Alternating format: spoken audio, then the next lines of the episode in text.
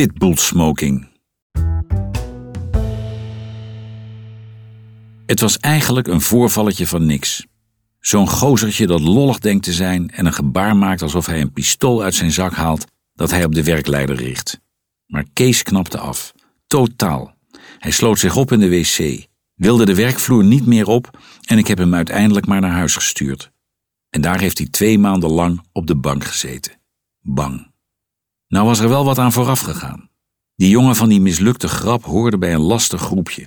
Gouden kettingjes, pitbull smokings en nog geen dag van hun leven gewerkt. Regelrecht van de sociale dienst naar ons toegebonjourd, maar een gebruiksaanwijzing zat er niet bij.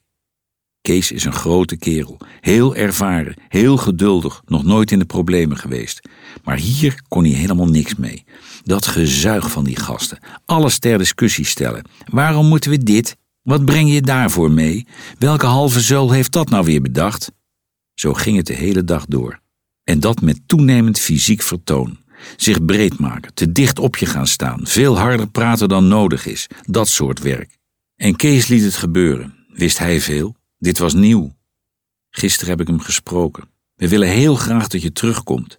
Ik zag hem meteen verkrampen. Ik weet het niet hoor, zei hij. Ik legde uit dat er inmiddels het een en ander veranderd was. Dat het management had onderkend dat nieuwe situaties om nieuwe oplossingen vroegen. Iedereen gaat nu op agressietraining. Ik ben zelf al geweest. Je zal zien dat het werkt.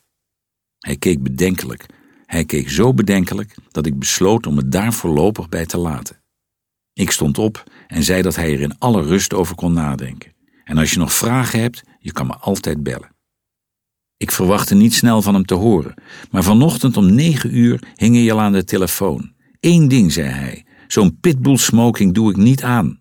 Een pitbull smoking? Hoezo? Nou, voor die agressietraining toch? Ik kon mezelf wel voor de kop slaan toen ik uitlegde dat het ging om voorkomen van fysiek geweld door agressief gedrag in een vroeg stadium te herkennen bleef het even stil aan de andere kant van de lijn. Toen, dus geen pitbull smoking. Nee, je gewone kloffie. Weer bleef het even stil. Toen begon hij te grinniken. Dus ook geen gouden kettingje. Ik weet niet wie het hart slachtte, hij of ik. Hoe dan ook. Het gaat goed komen met die Kees. Dat weet ik zeker.